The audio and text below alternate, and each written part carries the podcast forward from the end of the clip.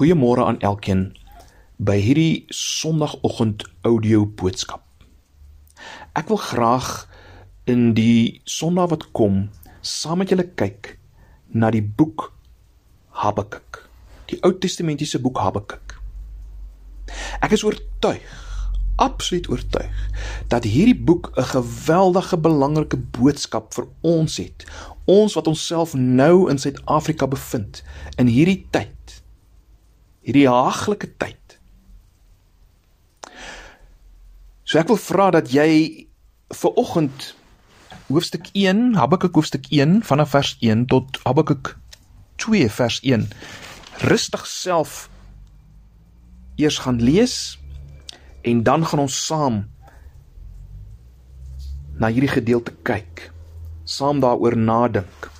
Maar kom ons bid saam en ons vra dat die Here hierdie boek sal gebruik om ons te bemoedig, op te lig en 'n nuwe verstaan ook van van God te gee en van ons eie situasie te gee. Ag Here, ons pleit U kom praat met ons deur U woord en die werking van die Gees deur die boek Habakuk. Asseblief, ons vra dit in Jesus se naam. Amen. Ek hoef nie vir jou te vertel wat besig is om te gebeur in ons land nie. Ons almal weet dat ons vasgevang is uh in 'n derde golf van COVID-19 wat heel wat dodeliker is as die vorige twee. Die meeste van ons ken vriende, familie wat reeds gesterf het as gevolg uh, as gevolg hiervan. Ons is almal uh, bewus van wat op die oomblik gebeur spesifiek in KwaZulu-Natal en ook in Gauteng die die absolute plundering, sinnelose plundering en die haaglike situasie wat dit reeds veroorsaak en gaan veroorsaak in ons land. Mense wat alreeds platgeslaan is wat nou hulle werke gaan verloor uh met alles wat daarmee saamgaan. En dit alles bring natuurlik sekere vrae na vore in ons. Ek meen, hoe kan ons leef in 'n land soos hierdie, in 'n wêreld soos hierdie want nie net in ons land is is daar chaos nie, ook in die res van die wêreld. Hoe kan ons in reg en geregtigheid glo in 'n wêreld soos hierdie? Waar is God in 'n wêreld soos hierdie? Is daar 'n God? Gee hy om? Is hy nie oorweldig deur die bose magte nie. As hy in beheer is, hoe kan hy hierdie dinge laat gebeur? Hoe kan ek in 'n wêreld soos hierdie lewe met 'n God soos hierdie? Nou dis ongemaklike vrae. En ek wil hê ons moet na die boek Habakuk kyk met hierdie ongemaklike vrae in ons harte. Nou Habakuk skryf sy boek sowat 2600 jaar plus gelede. Maar die wêreld van Habakuk was in baie opsigte baie soos ons. Habakuk is ook gekonfronteer met boosheid in sy land. En hy het selfs groter boosheid in die toekoms sien kom. Habakuk het ook 'n wêreld in die gesig gestaar wat buite beheer gelyk het, 'n wêreld waarin geen reg en geregtigheid was nie. Habakuk het ook geworstel met die oënskynlike onverzoenbaarheid tussen die geopenbaarde aard van God, dan oor wie God is en die bewyse wat hy rondom hom gesien het. Maar, maar Habakuk verbly homself, verheug homself aan die einde van hierdie boek in God. In een van die grootste stellings van geloof wat in die hele Bybel gevind word. Terloops, hierdie profetiese boek uh, boek kry natuurlik sy naam van die profeet se naam Habakuk. Nou daar's onsekerheid oor presies wat hierdie naam beteken, maar waarskynlik is die betekenis een wat omhels. En teen die einde van hierdie profesie word hierdie naam as dit sy naam se betekenis is, dan word dit toepaslik wanneer die profeet as te ware God omhels ten spyte van die verwarring omtrent God se plan vir sy mense.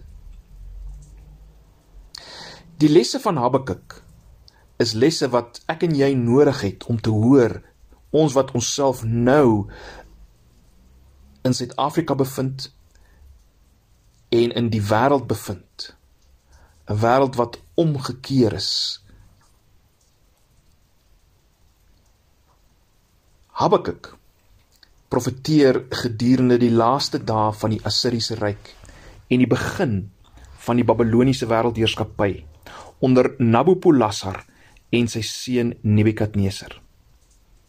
Toe Nabopolassar uh, Lassar aan bewind kom in 626 voor Christus, het hy onmiddellik sy invloed uitgebrei na die noorde en weste.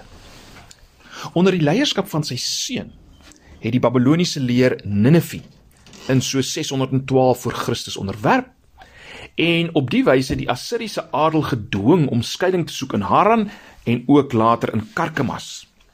Nebukadneser agtervolg hulle en onderwerp Haran in so 609 voor Christus en Karkemas in 606 voor Christus. Die Egiptiese koning Nego wat deur Juda getrek het in 609 voor Christus om die vlugtende Assiriese koning te help te snel, is deur koning Josia by Megiddo aangeval. Gaan lees maar 2 uh, Kronieke 35 vers 20 tot 24. Josia sterf in hierdie geveg en hy laat sy drie seuns en 'n stiefseun agter as opvolgers vir sy troon. Onthou ook dat Habakuk 'n tydgenoot van die profeet Jeremia was. So die die boek Habakuk is waarskynlik so tussen 609 en 605 voor Christus geskryf. Dit was 'n tyd van geweldige onrus. Assirië, die groot wêreld wêreldmag van die tyd wat die noordelike koninkryk van Israel omtrent 100 jaar tevore vernietig het, het nou tot 'n val gekom en die Galdeese ryk of dan die nuwe Babiloniese ryk het begin om in 'n bedreiging te verander. Terselfdertyd het Egipte onder Assiriese heerskappy uitgekom en hulle het nou weer ook 'n wêreldmag geword.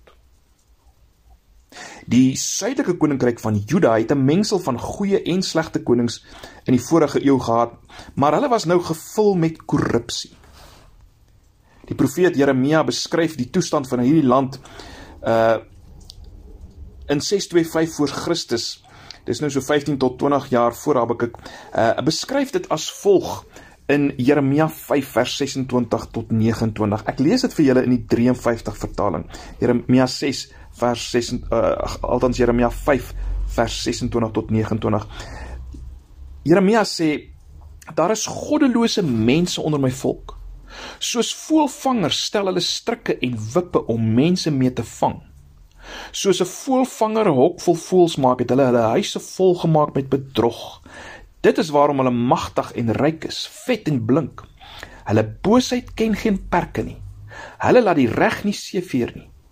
Hulle verydel die reg van die weeskind en behartig nie die regsaak van die armes nie. Sal ek hulle nie hiervoor straf nie, vra die Here? Sou ek my nie wreek op 'n nasie soos hierdie nie? So Jeremia maak dis 'n verklaring omtrent die skuld van die volk, maar hy stel dit ook duidelik dat God hulle gaan straf. Nou kort nadat Jeremia hierdie woorde geskryf het in 622 voor Christus, het die hoofpriester Hilkia die wetboek gevind in die tempel, die Torah koning Josia het die boek voorgeles vir die hele Jerusalem en dit het gelei tot 'n godsdienstige hervorming, 'n soort van 'n herlewing. Gaan lees maar 2 Konings 22 en 23. Hy vernietig die afgodediens en al die verwante praktyke van sy pa Amon waarvan ons lees in 2 Konings 21 vers 20 tot 22 en van sy oupa Manasse. Ons lees lees daarvan in 2 Konings 21 vers 11 tot 13.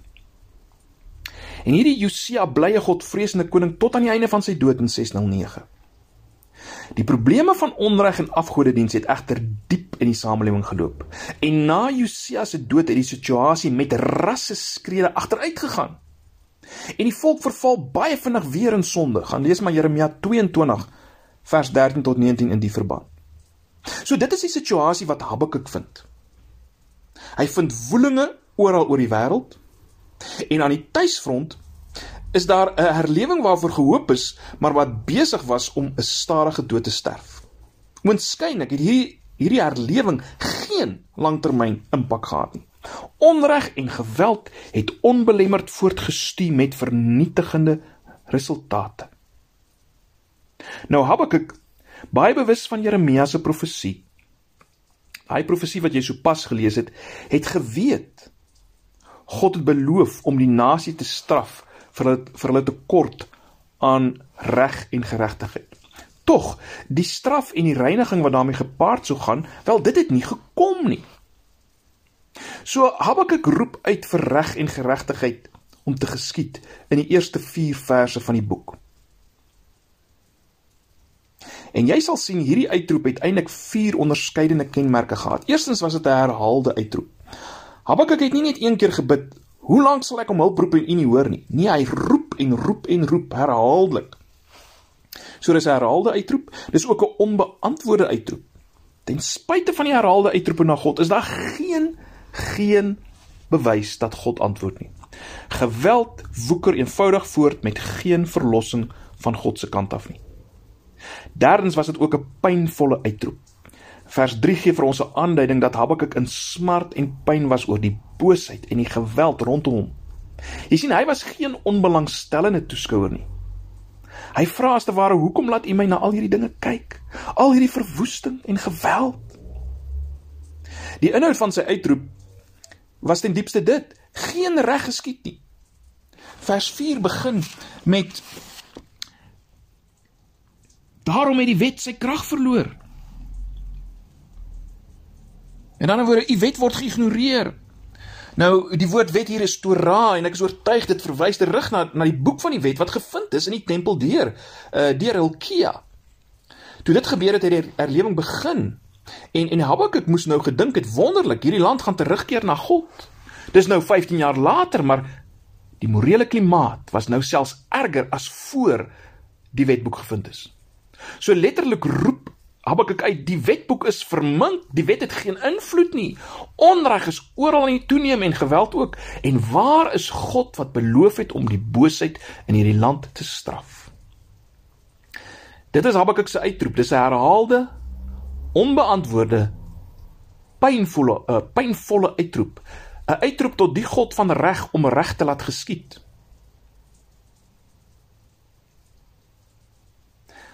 Of as jy wil, hy roep uit vir God om sy magtige teenwoordigheid te openbaar, sy heerlikheid. Moenie 'n fout maak nie, dis nie 'n selfsugtige gebed nie.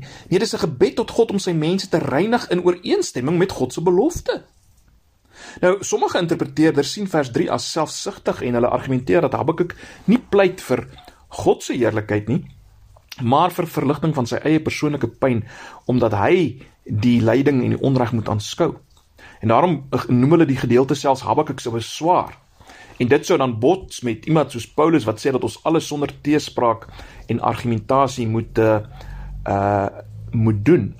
Daar in Filippense 2 vers 14. So was dit reg van Habakuk om in pyn uit te roep? Was hy reg om ontstel te wees oor die boosheid rondom hom?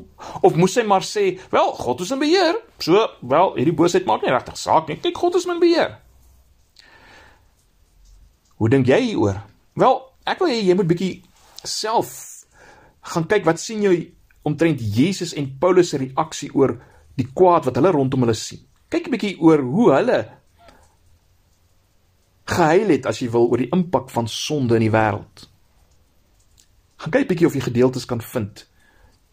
Gaan lees rustig deur die Nuwe Testament. Ek dink tog ek en jy het baie te leer van Habakuk en van Jesus en Paulus. Hoe maklik, hoe maklik is dit vir ons om gewoon te raak aan die kwaad rondom ons, né? Nee, ons kan rustig ons koffie sit en opslurp terwyl ons kyk hoe geboue geplunder word, afgebrand word, mense geskiet word. Mense in hospitale sterf en in grafte gegooi word.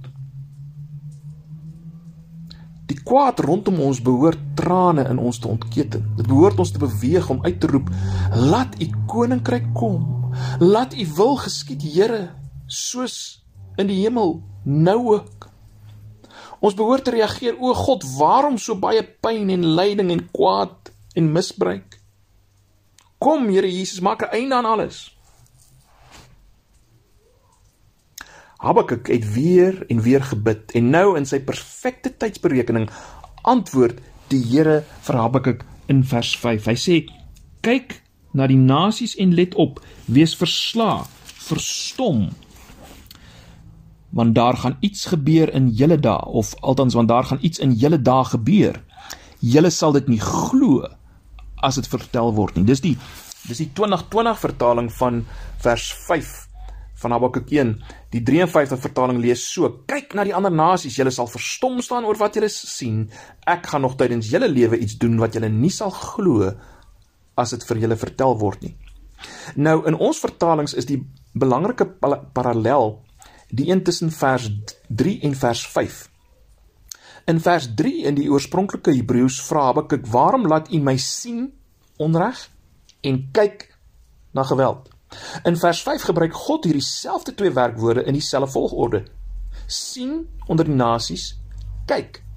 So God sê in effek ten diepste sê God, ja, ek weet wat jy sien, maar jy fokus op jou klein koninkrykie.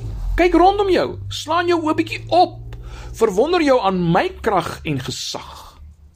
Ek doen iets wat die moeite werd is om na te kyk, selfs ongelooflik. Kyk op. Habakuk se situasie is soortgelyk aan die van 'n kaptein wie se militêre eenheid aangesê is om ten alle koste hulle posisie te behou.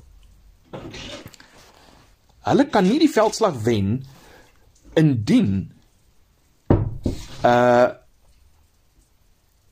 hierdie eenheid nie hulle posisie behou nie. Soos die vyand aanval, word die kaptein desperaat. Die ammunisie raak min en die ongevalle baie. Die kaptein pleit by sy hoofde om versterkings te stuur. Maar daar's geen versterkings nie, want die generaal, let wel, in sy wysheid het 'n hele korps na die agterkant van die vyand gestuur. Hierdie korps sal die vyand uiteindelik van agter aanval en vernietig. Jy sien terwyl die kaptein fokus op die besonderhede van die geveg voor hom, kan hy nie hierdie generaal se algemene strategie sien nie. Maar as hy sy verkyker sou opneem en 'n bietjie verder tuur, sou hy in staat wees om die leer mag te sien wat die finale slag gaan slaan. Hy moet net opkyk. Hoe dink jy het Habakuk gereageer nadat hy hierdie woorde gehoor het? Wel ek dink hy het volmoed geword. God gaan iets heerliks doen. Miskien gaan die Messias nou kom. Miskien gaan die koninkryk van Israel herstel word Miskien gaan daar 'n ware herlewing kom wat gaan staande bly. Maar dan sê God iets totaal onverwags in hoofstuk 1 vers 6 en 11. Kyk net na vers 6. Ja, kyk, ek gaan die galdeers laat optrek. Jy sien in steede van herlewing bring God die galdeers. In steede daarvan om die Messias te bring, bring God Nebukadneser. En inderdaad maak God duidelik dat dit hy is wat hierdie dinge doen. Ek gaan die galdeers laat optrek of oprig sê die 53. En God maak dit nie effens sagter as wat dit is nie. Kyk net hoe beskryf hy hierdie mense. Die verbitterde en voortvarende nasie wat oor die breedte van die aarde gaan om woonplekke in besit te neem wat nie aan hulle behoort nie. Vers 7 sê skrikwekkend, vreesaanjaend is hierdie nasie. Vers 9, elkeen is uit op geweld. Waaroor het Habakuk beswaar aangeteken? Wel onreg en geweld. En tog sê God van die Galdeërs, hulle kom nou eers om verwoesting te saai. En God bring hulle. Dis nie waarvoor Habakuk gevra het nie. Hy wou reg hê in Juda. Nie verwoesting, nie geweld nie. Jy sien dis amper asof God op 'n sarkastiese wyse sê ja, jy wil reg en geregtigheid hê. Ek sal dit vir jou gee. Antwoord God ek se vraag? Ja. Hoor God? Ja. Is hy besorg oor onreg en geweld? Ja. Kan hy iets daaromtrent doen? Ja. Sal hy iets daaromtrent doen? Ja. Dit is die antwoorde wat wat Habakuk wou hoor. Dit is die antwoorde wat ons wil hoor. Maar wat presies gaan hy doen? Wel hy gaan die Galdeërs stuur om Juda te vernietig. Dis baie moeilik om vir ons nou om onsself voor te stel wat dit vir Habakuk moes beteken. Ek dink dit kan vergelyk word soos om nou op hierdie oomblik in Suid-Afrika te pleit vir die Here vir herlewing te pleit dat hierdie onsinnige uh oproer hierdie onsinnige chaos moet stop en COVID-19 tot 'n einde moet kom. Dat God geëer moet word in hierdie land. En dan antwoord God: "Ja, ek het julle gebede geantwoord. Ek gaan iets aan hierdie situasie doen. Ek gaan 'n vierde meer dodelike golf van COVID-19 stuur en ek gaan sorg dat Zuma weer president word en nog meer verwoestend gaan optree. Nog meer plundering gaan plaasvind. Hoe sou jy reageer? Nee, Here. Nie 'n vierde golf nie, nie Zuma nie. Here, is dinge nie erg genoeg nie? Wel, as dit jou reaksie is, is dit waarskynlik dieselfde as Habakuk se. Maar voordat ons daarna kyk, lees hierdie verse nog 'n keer. Is daar enige hoop in hierdie verse? Is daar enige indikasie dat reg en geregtigheid gaan geskied? Kyk 'n bietjie na vers 11. Kyk 'n bietjie na vers 11. In vers 11 is dit duidelik dat God die Babiloniërs gebruik, maar hy gaan hulle ook oordeel. Dat hulle gaan skuldig staan vir God. Dis wat ons sien in vers 11. En God gaan meer hieroor uitbrei in in hoofstuk 2 oor hierdie oordeel oor die Babiloniërs, die nuwe Babiloniese ryk. Maar terug na Habakuk. Habakuk oorweldig deur God se besluit om die Babiloniërs te gebruik, fokus nie op hierdie beloofde oordeel van hulle nie. Hoe reageer die profeet op dit alles? Hoe sou jy reageer het? Kyk, Habakuk moes onder die versoeking gewees het om te sê: "Ag, tog, ek kan nie die segsman wees vir so God nie. Ek gee op." Onthou jy Jeremia en Elia het iets baie soortgelyks gesê in Jeremia 20 en 1 Konings 19. Maar Habakuk doen dit nie. In steede daarvan gee Habakuk vir ons 'n wonderlike blou druk om na te volg wanneer ons gekonfronteer word met kom ek noem dit die verwarrende in aanhalingstekens aard van God. Kyk net weer na vers 12 tot 17. Lees dit gou rustig weer deur. Wat sien jy hierdie in hierdie verse? In hierdie verse, let op, sien ons dat Habakuk eerstens die beloftes van God onthou. Of as jy wil, hy roep dit in herinnering. Tweedens, hy onthou die karakter van God. En dan derdens, vra hy vir God uh hoe die gebruik van die Galdeërs in ooreenstemming sal wees met sy karakter. Kom ons kyk gou hierna. Eerstens, hy onthou die beloftes van God. Kyk na vers 12 as hy sê ons gaan tog nie sterf nie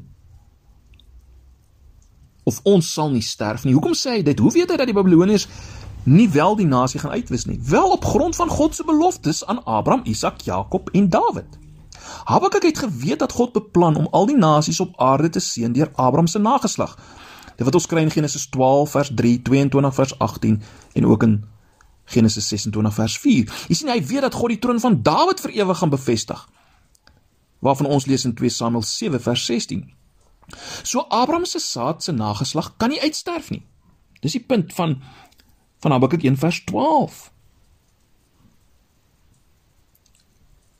Dawid se nageslag kan nie almal sterf nie. God is getrou aan sy beloftes. Dit is wat Habakuk weet. So hy onthou die beloftes van God. Dis bietjie indirek hier, maar definitief. Tweedens, hy roep God se karakter in herinnering. Habakuk herinner homself ook aan God se karakter. Let op hoe baie karaktereienskappe van God noem hy net in die eerste paar verse. Hy sien God as ewig. As hy sê bestaan nie dan nie van altyd af nie, Here, dis die eh, dis die 2020 vertaling. 53 vertaling praat van die voortyd in vers 12. Uh hy sien God as soewerein. Aangesien hy die een is wat die oordeel deur middel van die Galdeërs bewerk het. Hy sien God as 'n rots. Oor rots sê hy het U hom beskik as regwysing en hy beskou God as rein vers 13 U wie se oë te rein is om boosheid te ontskou, lees die 2020 vertaling vers 13. Kom ons kyk bietjie meer van naderby na laasgenoemde een, uh, as Habakuk sê God se oë is te rein om kwaad te aanskou. Dink terug aan vers 3. Daar het Habakuk gesê hy is moeg om kwaad te aanskou. So ten diepste sê Habakuk, ek is moeg, so u moet nog meer moeg wees daarvoor. As ek wat self vol kwaad is gepla word deur al hierdie onreg, hoeveel te meer u? Nog 'n karaktereienskap van God word indirek ingesluit in vers 16. Naamlik God tree altyd op vir sy eie eer. Nee. Habakuk sê vir uh, sê vir God dat die Babiloniërs hom nie gaan eer en verheerlik nie. Nee, hulle gaan net 'n verwysende na 'n militêre mag prys.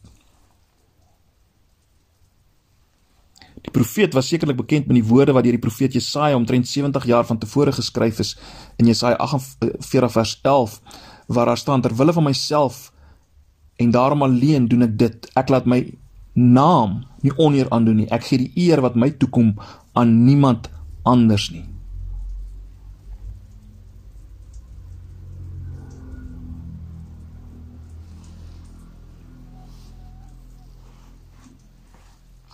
So Habakuk vra God, hoe word U verheerlik deur hierdie optrede? Hy vra God hoe sy optrede, hoe God se optrede in ooreenstemming is met sy karakter en beloftes. Habakuk vra eintlik vir God in hierdie verse 'n logiese vraag. God, ek weet U is ewig. Ek weet U is soewerein. Ek weet U is rein. Ek weet U tree op vir U eie glorie. Ek weet U is die rots, ons sekuriteit, ons fondasie. So hoekom doen U dit? Ekskuus tog. Hoe kan u die inbring van die Babiloniërs of hoe kan u die Babiloniërs inbring om die volk te oorweldig? En en en hoe kan dit u doelwitte bevorder? Ek verstaan nie hoe kan dit u doelwitte bevorder om die Babiloniërs in te bring om die volk te oorweldig nie. Wat 'n les vir ons. Roep uit. Hou vas aan God se beloftes. Herinner jouself aan God se karakter. Jy kan dit net doen met die woord voor jou. En dan vra jy hom, redeneer met hom, dink hardop, Stel die probleem vir hom. En dan wag vir 'n antwoord. Dis wat ons sien Habakuk volgende doen in Hoofstuk 2 vers 1, né? As hy sê op my wagpos wil ek gaan staan, ek wil stelling inneem op die vestingmuur, op die uitkyk wees om agter te kom wat hy vir my gaan sê en wat ek mense moet antwoord oor my verwyte sê Habakuk, "Ag, ek sal nooit verstaan nie, so vergeet dit." Sê hy, "Dis die beste van alle moontlikhede, 'n eh, moontlike wêreldhede, so don't worry, be happy." Sê hy, "Miskien sal God antwoord, miskien nie." Nee, hy sê ek sal wag en sien wat hy vir my wil sê. So hy wag. Gee die laaste frase in die verse aanleiding dat God omgekrap gaan wees met hom, dat God hom gaan teregwys. Hierdie punt is natuurlik debatteerbaar, maar ek dink nie dit is die profeet se bedoeling nie. Omtrent hierdie selfde tyd wat Habakuk praat het Jeremia sy eerste profesie uitgebring dat God Jerusalem gaan verwoes, die stad soos 'n kleipot gaan breek. En Jeremia het dit gedramatiseer in die publiek. Hy het 'n kleipot geneem en dit verpletter. Nou dit is gesien gesien as opsteking uh opstoking althans. So Jeremia word in die tronk gegooi en in blokke gesit. Soos hy dit stel in Jeremia 20 vers 8 om die woord van die Here aan te kondig beteken vir my net vernedering en bespotting heeldag deur. Ek dink in die laaste frase van hoofstuk 2 vers 1 antisipeer Habakuk dieselfde soort behandeling. Hy is 'n profeet volgens hoofstuk 1 vers 1. En uh hy moet sê wat die Here aan hom meedeel. As hy sê God gaan Juda vernietig, sal hy sekerlik tereggewys word. So hy vertrou God om hom te sê hoe hy sy luisteraars moet aanspreek wat hom gaan bestraf en vermaan omdat hy vir hulle gaan sê dat hulle land ingeneem word deur die Babiloniërs. Om dit eenvoudig te stel, sê Habakuk as te ware, ek is die profeet, Here, en ek weet nie wat om vir u uh, vir jou volk te sê nie. Hoe gaan ek dit aan hulle verduidelik? U het vir my hierdie amp gegee, hierdie gawe. Gee my die woorde om te sê. Ek weet hulle gaan my uitdaag. Wat sê ek in reaksie daarop? So dit is wat hy probeer sê in hoofstuk 2 vers 1. So hoe leef ek en jy deur geloof in so 'n verwarrende wêreld? Wel die antwoord sal stuk vir stuk uitkom soos ons deur hierdie ongelooflike boek stap. Maar kom ek vat saam en brei uit op drie lesse vir ons uit die gedeelte wat ons ver oggend uh vir ons het. Eerstens treur en huil. Ons harte behoort gebroken te wees deur die pyn en ellende en sonde in hierdie lewe en deur die pyn en smarte wat kom oor almal wat God verwerp. Ons harte behoort gebreek te wees oor die feit dat God nog nie verheerlik word op aarde hier in Suid-Afrika nie dat sy naam deur die modder gesleep word, dat sy koninkryk nog nie finaal gekom het nie. Dis die eerste ding, treur en huil. Tweedens, onthou God se karakter. Deurweek jouself met die woord. Dink hard omtrent die implikasies van God se karakter. Bedink die kontras tussen wat jy weet van God waar is en wat jy nou in ons land sien. En roep uit tot God, huil vir hom. En onthou altyd God is in beheer. Hy is ons rots. Hy hou sy beloftes. Onthou nadat God die wêreld met water vernietig het in die sondvloed bind hy homself deur die belofte aan Noag. God kan nie weer teruggaan daarop nie. Dis 'n vaste punt. Net so sy belofte aan Abraham en Dawid. Hy hou daardie belofte. Al loop dinge soms op die randjie van die afgrond. Op dieselfde wyse het hy nuwe beloftes in Jesus gemaak. Maar hierdie beloftes loop, loop, loop ook soms op die randjie. Die, die Gees is saam met ons op pad na die finale vervulling daarvan. Maar God kan nie omdraai nie. Onthou dit, Jesus sal weer kom, die koninkryk sal kom. God werk alle dinge vir die bekendmaking van sy eie heerlikheid. God werk alle dinge uit tot die beswil van sy kinders. Hy verander ons na die beeld van Jesus. Maar onthou, hoe lyk Jesus se beeld op aarde? Hoe lyk Jesus? Wel hy's 'n man van swaar kry en eh, of wat ek so stel, hy's 'n man wat swaar kry en lyding geken het, sê Jesaja 53 vers 3. 'n Man van smarte, bekend met krankheid. Sy heerlikheid en sy glorie word in smart en lyding geopenbaar. En dit is waarna God ons hier verander, sodat ons ook eendag volkome verheerlik kan word soos Jesus. God is regverdig. Wat nie nou aandag kry nie, sal op die laaste dag aandag kry. Op die laaste dag gaan niemand man uit wegstap met gesteelde goedere nie. Vergelyk 2 Tessalonisense 1 vers 6 tot 8. God is onbegrypbaar. Hy bly 'n misterie. Dis wat ons gesien het in Job 38 waar God vir Job wys deur die bou metafoor dat daar wel planmatigheid is in sy raadsplan, maar totaal onbegryplike dinge, onthou jy? Ons het daarna gekyk. Maar baie belangrik. Kyk uit vir 'n antwoord. Bid deur moeilike tye, worstel met God. Ons sal in die volgende hoofstuk sien dat God wel Habakuk antwoord met woord met woorde vol hoop en bemoediging. Maar dit is goed vir ons om om net hier te eindig met 'n met 'n verwaarde profeet wat wag op 'n antwoord. Want so dikwels los God ons in daardie posisie, wagtend, verward sonder om hom te begryp.